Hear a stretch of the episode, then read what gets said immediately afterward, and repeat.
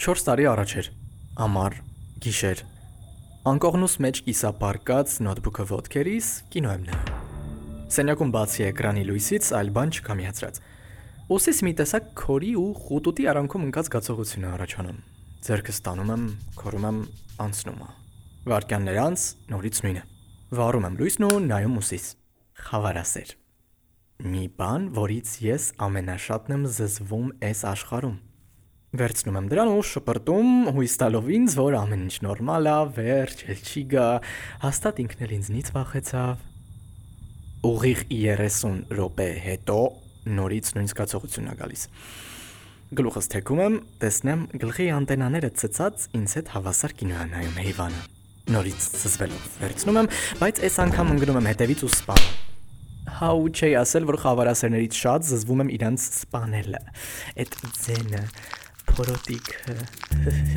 կներեք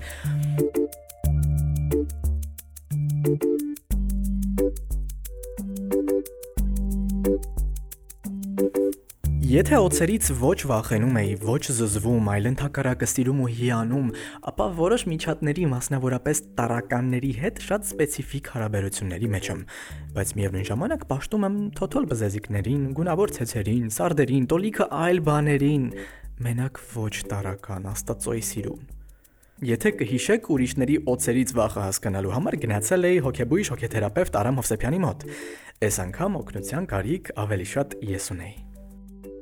Ինչ առանձնահատկություններ ու ինչ շերտեր ունեն միջատներից վախերը։ Եկեք մի հատ առանձին խոսենք սարդերից, որոնք միջատներ չեն, ինչի որտեվ առախնիտների վախը, առախնոֆոբիան, ինչպես եւ առախնոֆոբիան սարդերի վախն է, օցերի վախն էլ օֆիձիոֆոբիան է, իրանք այդ երկու վախերն են, որոնք ունեն ամենաուժեղ էվոլյուցիոն հիմքը էվոլյուցիոն ադապտացիայի տեսքով իրան գոյություն ունեն, անգամ եթե չի արտահայտվում, ինքը քնած մեր մեջ կա, ի տարբերություն միջատներից, որտեղ սարդերի մեջ վտանգավոր տեսակների քանակը ավելի բարձր է եւ ինքը իրանով սարդերը ավելի վտանգավոր են մեզ համար։ Եթե խոսում ենք միջատների մասին, մի քանի տարատեսակ կա վախերի, բայց իրանք բոլորը վերաբերվում են նրան, որ մարդիկ սեփական վախի զգացումը կամ սեփական տագնապը չեն կարող կառավարեն։ Իսկ բնազդային միջատները մեր համար այդքան վախենալու չեն։ Կա օրինակ վախի տարատեսակ, որը այդ թևերի թրթռոցին է վերաբերվում, հա։ Դա կարող է լինել թիթեռ, բզեզ, մեղու եւ այլն, հա, ցանկացած թևերով միջատ եւ այդ թևերի թրթռոցն է մարդուն վախացնում կարող են լինել վախեր, որ կապված են կպնելու հետ, հա, որոշակի, ասենք, ֆակտորային կպնելու, դիպչելու, դա կարող լինի սառնություն, կարող լինի կոշտություն, կարող լինի փափկություն, հակառակը կարող լինի ինչ որ փոշու զգացողություն եւ այլն։ Կան վախեր, որոնք վերաբերվում են բազմակի կենթանի, օրինակ մրջուններին, որոնք շատ են, հա։ Կա վախեր, որոնք վերաբերվում են աննկատ լինելուն, որ կարող է ինչ որտեղ պահկված լինի, կամ ասենք ձեն են լսում, չեն գտնում ձենը որտեղից է գալի։ Կան միջնորդված վախեր, որտեղ հիմնական վախը միջատից չի, միջատը ուղղակի միջնորդն է այդ վախի, օրինակ հիվանդությունից վախ, որը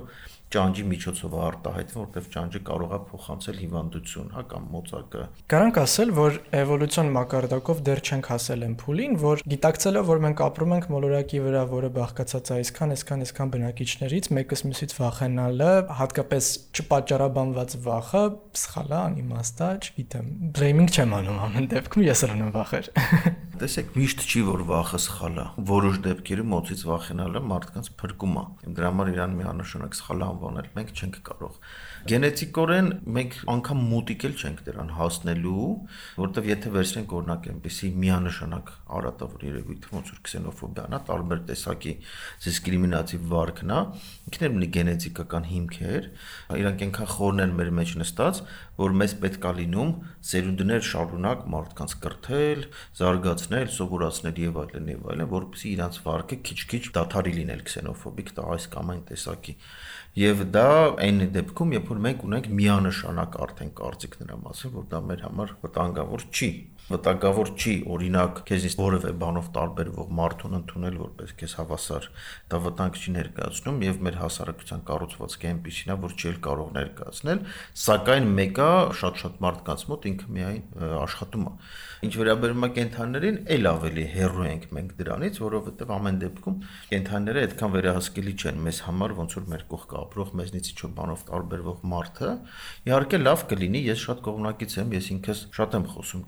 կենթանիների մասին եւ փորձում եմ մարդկանց սովորացնել ինչպես իրենց հետ վարվել, որտեվ նա անհասկանալի լինելը, անսպասելի լինելը, իրանք հիմք են ստեղծում վախի համար, ինչքան կենթանի համար հասկանալի է, կանխատեսելի է, բացատրելի է,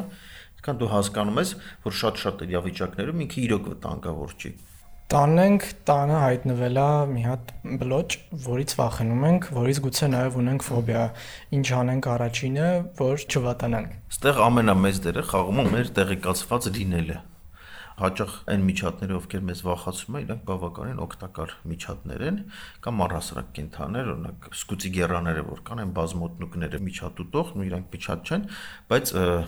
շատ մարդկանց համար միջատանման էակա տան մեջ, իրանք շատ օգտակար են, իրանք օգտվում են մնացած վնասակար միջատներին, իրանք տունը մաքուր են պահում եւ այլն եւ այլն, բայց գիտեմ, որ ամենավախենալու բաներից մեկն է համարվում, բայց դա իհարկե մենք կարող ենք այդ ինֆորմացիան չունենալ կամ միանգամից ինքը մեզ հասանելի չլինի։ Հաջորդ բանը, որ մենք կարող ենք անել, դա այդտեղից մի փոքր հենրանալ եւ փորձել սեփական վախը հանգստացնել։ Սեփական վախը հանգստացնելու լավագույն ձևը կենտրոնանալ իր վրա եւ սպասել, որ ինքը անցնի, այսինքն չփորձել իրանից շեղվել,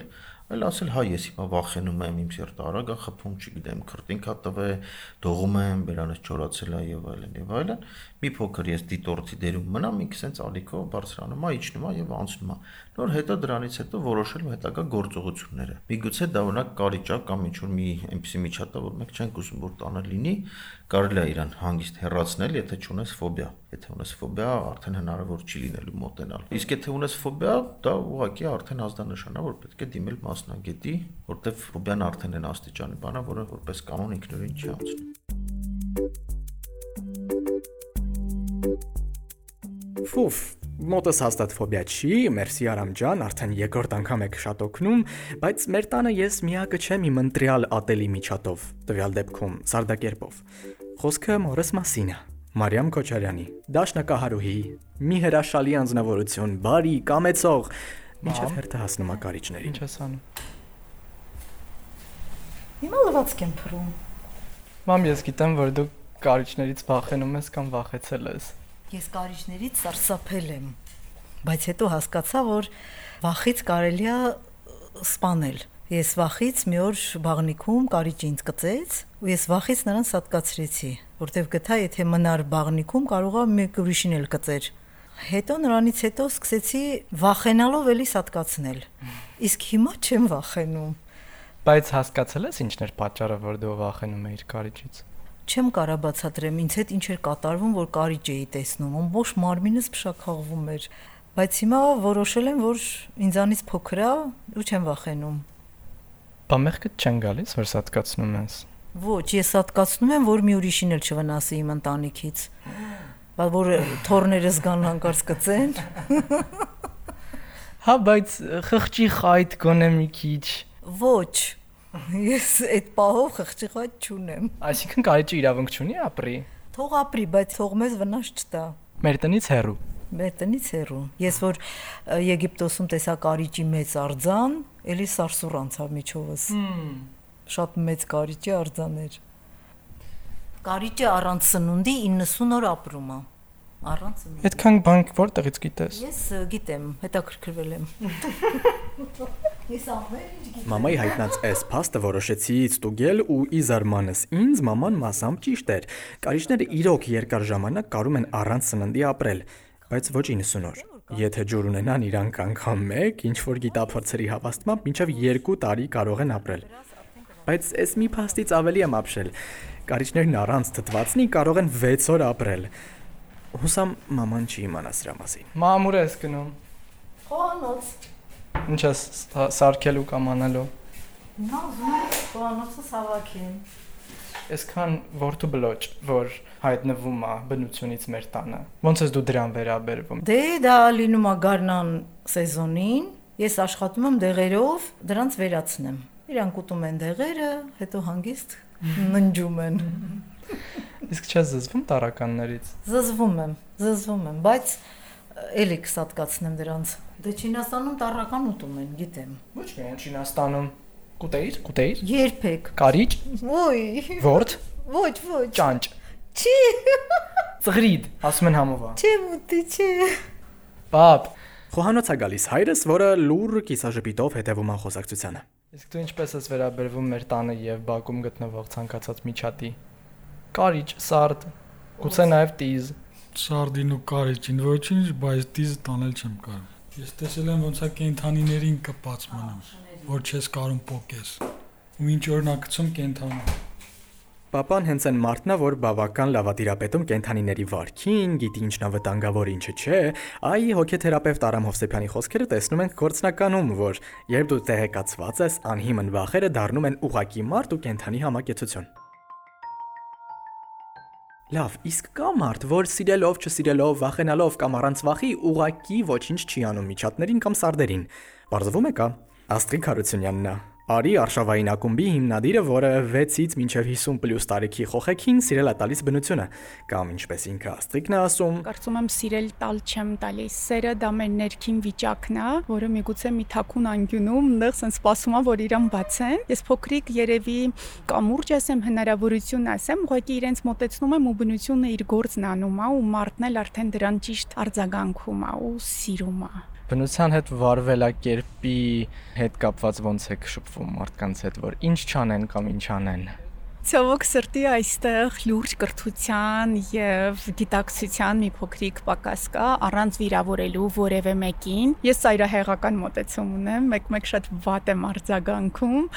մեկ-մեկ միգուցե կոպիտ, անգամ երբ որ նկարներ սոցհարթակներում տեսնում եմ պոկրտած ես ասում եմ միշտ պրճոկած, սենց ծաղկե փունջներով նկարում են, ինչը, որը շատ գեղեցիկ է, հա, ես եմ մեկ-մեկ գայթակղվում եմ ուսապարկի մեջ, որ հավաքում դնում են, նկարում են, բայց մենք խնդրում ենք անկախ տարիքային, հա, սեգմենտից մեր խնդրում ենք, որ ոչ մի ծաղիկ չվնասվի։ Բայց լինում են մարդիկ, ինչպես նշեցի, ոչ միտումնավոր, ոչ դիտավորյալ վնաս հասցնելու, այլ այդ գեղեցկությունը իրենց մոտեցնելու, իրենց տարածք տանելու քաղաքային կյանք, որը գիտեք ինչ մեկ-մեկ գաղ չէ,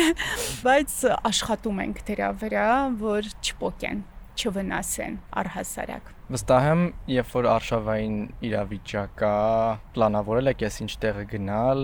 ունեք հակուստ զգուշացնում եք, որ այսինչ բաները նախապատրաստած ենք գնում, այսինչ եղանակային պայմաններն ա լինում, իսկ ընդհանրապես բնությունից պաշտպանվելու մեթոդներ կիրառում եք, հատկապես արդեն գալով մեր բուն թեմային միջատներից միանշանակ ամեն արշավի նկարագրի մեջ կա ինչպես պատրաստվել։ Դա կարող է եւ սնունդը լինել եւ հակոստը կախված սեզոնային։ Մեծ մասամբ, օրինակ երեխաների դեպքում գայթակղություն է ամրանը, շորտերով գալ, հա, բայց երեխաներ ունեն եւ առհասարակ տարբեր մարդիկ, որոնք ֆոբիաներ ունեն։ Ոչ միայն միջատներից, այլ նաեւ բույսերից, թփերից։ Իսկ մենք արշավային երթուղիները նես չէ որ միշտ կահավորված են,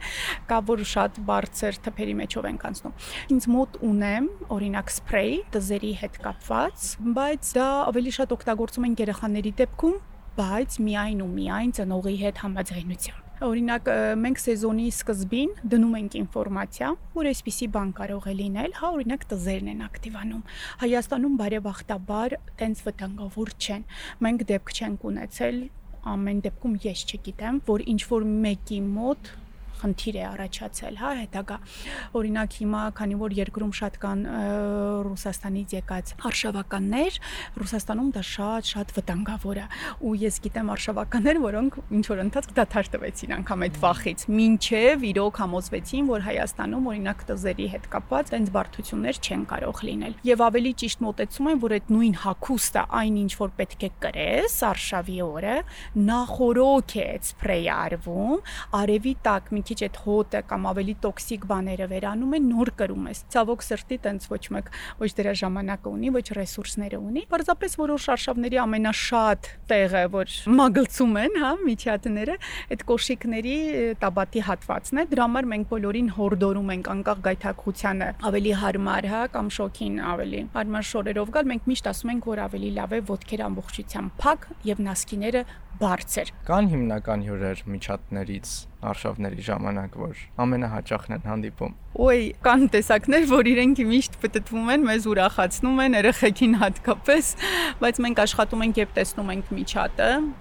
աշխատում ենք շրջանցել Իսկ երբ որ արդեն մրշնոբուն ենք տեսնում, դա առհասարակ այդտեղ չենք էլ նստում, որտեղ մի 2-3 րոպեում կարող են նենց քեզ պատել, սենց արագությամբ մի օր ունեցանք, որ արշավում ենք իրար հետևից երեխաների հետ արզականում ու երեխեքից մեկը կանգնել էր այդ արահետի վրա, մի քիչ երկար կանգնեց, մենք տեսնեմ ասում ինչ որ բան կծում ա, ու տեսնենք որ մրջունները բարձրացել են, ու տեսնենք որ ինքը հենց մրջնաբույնի վրա է։ Դա երևի այդ մեծ մրջուններն են, որը միշտ ակտուալ են ու ամեն տեղ նստելիս, հանգստանալիս դա ուշադիր ենք լինում, որ մոտակայքում չլինենք երեխեքով ունեցել ենք եւ ունեն իրենք հակվածություն, հատկապես միջատներին տանջել։ Ոնց եք դրա դեմն առնում կամ եթե առիթը եղել է, տեսել եք, չգիտեմ, զգուշացնում եք, որ նման բան չլինի, կամ ինչի են միջատները միշտ տենց վատ թիրախում երեխեքի։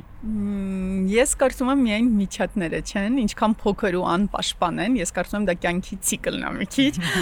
Այնքան այդպես միջատները դե ավելի, բայց ունենք այդ միտումը։ Իրոք, որ ուզում են, բայց ելի եմ ասում, ոնց որ երեխեքի առաջնային մտադրությունը, այդ բացահայտումն է, ճանաչելը, պարզապես դրսևորումն է շատ կոպիտ որտեվ երևի ժամանակին ինչ որ ձևով չի ասվել կամ չունենք այդ կրթությունը անգամ դպրոցում հա կենսաբանություն ենք սովորում բայց ով կհիշի թե միջատին ոնց կարելի է բռնել առանց թևերը վնասելու հա ունենք միջատաբանը որ եկավ մեր այդ արշավ հանդիպման վերցնում էինք շոյում էինք դնում էինք տարական բաներ մենք չգիտենք, հա, ոնց դրսևորենք մեզ բնության մեջ եւ ոնց մեր հետաքրքրությունը, այսպես ասած, բավարարենք։ Կան երեխաներ, որ անգամ ջուրը կդատարկեն, հա, այդ շշերի մեջ կդնեն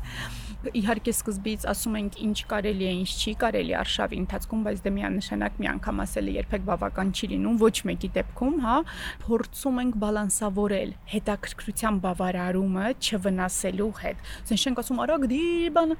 այսինքն աշխատում ենք ավելի մեղմ տեղ թողնենք իր արածի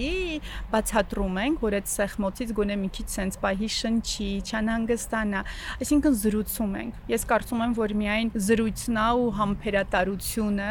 որ համ ինքը մի քիչ շահող կլինի, որ իրեն շատ չեն արգելել մի բան անելու, բացահայտելու, համ էլ վերջում արդեն բնությունը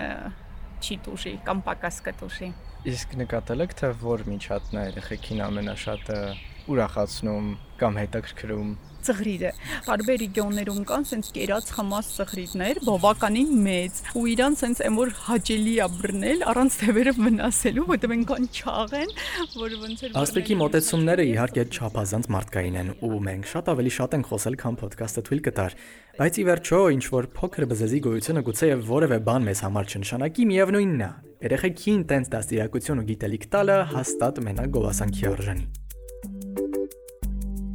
Բայց այդտեղ մի հատ բայց կա։ Ամեն դեպքում միջատները շատ են, իրանց նույն ձևով չեն հաշվում ոնց ավելի խոշոր կենթանիներին կամ թռչուններին։ Արդյոք մեր տան եղած մի բլոճի սپانելով մենք ոչնչացնում ենք բնությունը կամ ազդեցություն ենք թողնում կենսական այդ շղթայի վրա։ Հենց դրա համար էլ եկա Հայաստանի Հանրապետության Գիտությունների ազգային ակադեմիայի կենթանաբանության եւ հիդրոէկոլոգիայի գիտական կենտրոն, միջատաբանության եւ բնահողի կենթանաբանության լաբորատորիայի վարիչ, կենսաբանական գիտությունների տեխնացու Մարկ Քալաշյանին հյուր։ Ցանկացած կենթանի օրգանիզմ ունի իր դերը բնության մեջ Թեև սխալ կլինի ասել միջատների դերը, որովհետև ինձ թվում է իրենց ամեն մի տիպ, ամեն տեսակ իր դերը կոնկրետ կունենա, բայց այնուամենայնիվ, եթե տենց միջատ ասելով մի քանի բան վերցնենք, հա, պատկերացնենք էսի ամենատարածված մտքների զեկացողները ու տանք իրանց դերերը բնության մեջ, որոնք կլինեն։ Ոչ միայն բնության, սկսենք մարդու տնտեսության մեջ դա ակնհայտ օրինակներ են մեկը մերուն է մյուսը շերամի ворդ մեր համար դա ընտանի կենտրոններ են որոնք օգտագործվում են տնտեսության մեջ եւ դա միլիարդավոր եկամուտ է բերում մարդկությանը նույն մեղունները ոչ միայն ընտանի նաեւ վայրի մեղունները որպես փոշոտիչ եթե իրանք չլինեն մենք սոված կսատկենք կոպիտ ասած Առաջինը փոշոտիչն է, երկրորդը ինչպես ցանկացած ուրիշ օրգանիզմ, նրանք գերային շղթայի մի մասն են եւ Օրինակ նույն մոծակները Սիբիրում, դա օրինակ է, թվում է, որ կարելի է մոծակին վերացնել։ Պրինցիպի, եթե շատ ջանքեր տապես կարող վերացնել, բայց սա թռչունների եւ այլն սովորած կմնա։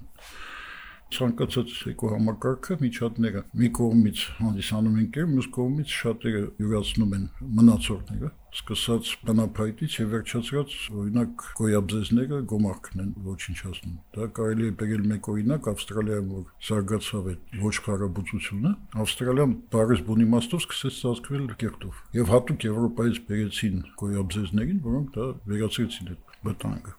Դերը բարձ է, մարդը իր տեխնիկական հնարավորություններով կարող է շատ ավելի մեծ վնասներ հասցնի բնության, որ Եվրոնում է սովորաբար սակայն մրջունը այդ բնությանը կառավարում է եւ ավելի շատ է կառավարում եւ ավելի ճիշտ ես կասի մարդու կառավարումը սովորաբար մեն դեֆեկտների է բերում от людей это неприятности Հատկապես միջատների համար, չէ՞։ Միջատները վերանում են միայն այն դեպքում, եթե ոչնչացվում է իր էկոհամակարգը։ Միջատները սերտորեն են կապված իրենց էկոհամակարգի հետ, եւ եթե դու անապատը վերացրեցի, այդ միջատները չեն մնա։ Այսինքն մարդը դառնում է սպառնալիք է, բայց անմիջապես միջատի պոպուլյացիայի բռնը սպանես ինչքան ուզում ես արի, իրանց բազմացման պոտենցիալը այնքան մեծ է, որ եթե մի 100 թիթարաթարի 10 մնաց,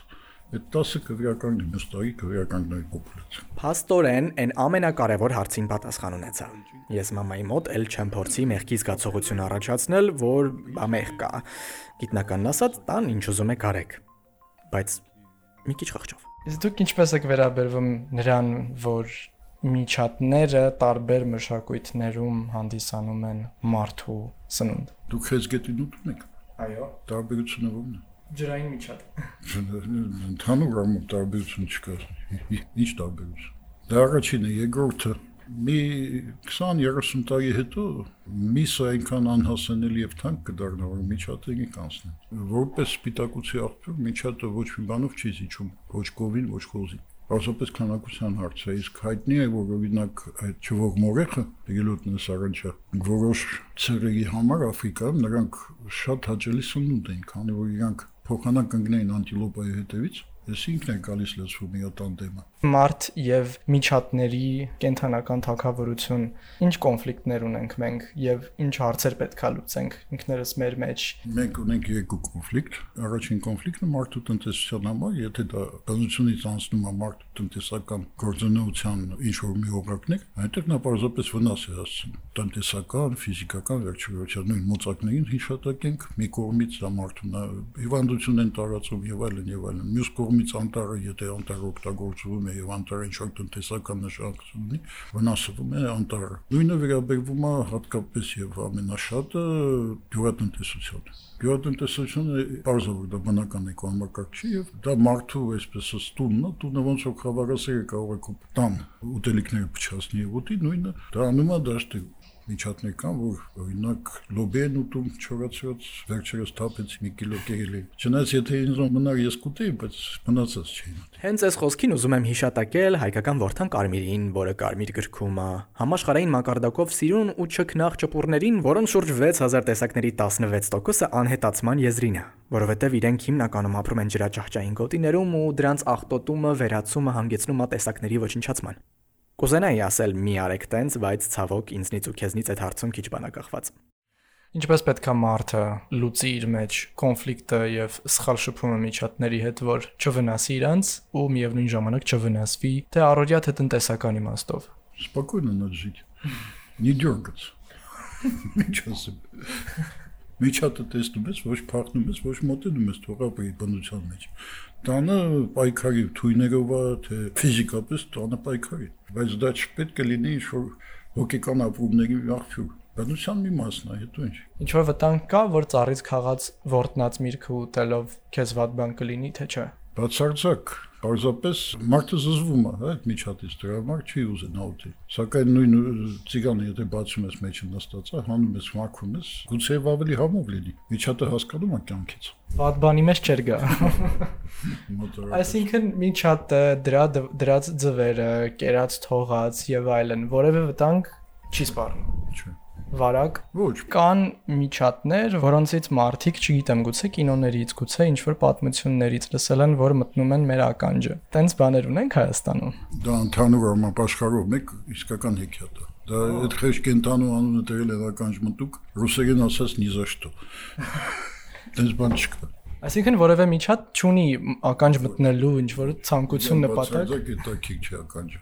Իրան ընթան ոնց որ ասեցի, իրան ընդհանուր առմամբ մարդը հետաքրի չի։ Դե հիմա մոծակը գծում է, այդ այդ առումով որոշ գծողները իհարկե մարդը իրանց համար հետաքրի է որպես գերային օբյեկտ, բայց ականջը բացարձակ։ Ականջ մտնուկների մասին վատ միֆերը ձևավորվել են միջնադարյան Եվրոպայում, որ իրենք գիշերը քո քնած ժամանակ գալու են ու մտնեն ականջդ, հասնեն ուղեղ ու հենց ընդեղ էլ ձոդնեն։ Ֆիքսենք, որ սա սուտ է, ուղակի հնադարյան չիմացություն։ Իսկ միակ բանը, որ հիմա քո ականջում է, այդ վայրի հանդիպումներ ոդքասթն է, որի գոյության համար շնորհակալ եմ Արևորթի հասարակական կազմակերպության իր կանաչ թղթակիցների դպրոցով ու Ֆրիդրիխ Հեբերտ հիմնադրամի հայաստանյան գրասենյակին, որոնք հավատացին նախագծին։ Իսկ ինձ մնում է ասել, որ մեր վայրի հանդիպումները շարունակվելու են ու քեզնից պետքա բաժանորդագրություն սպասվող հանդիպումները բաց չթողնելու համար։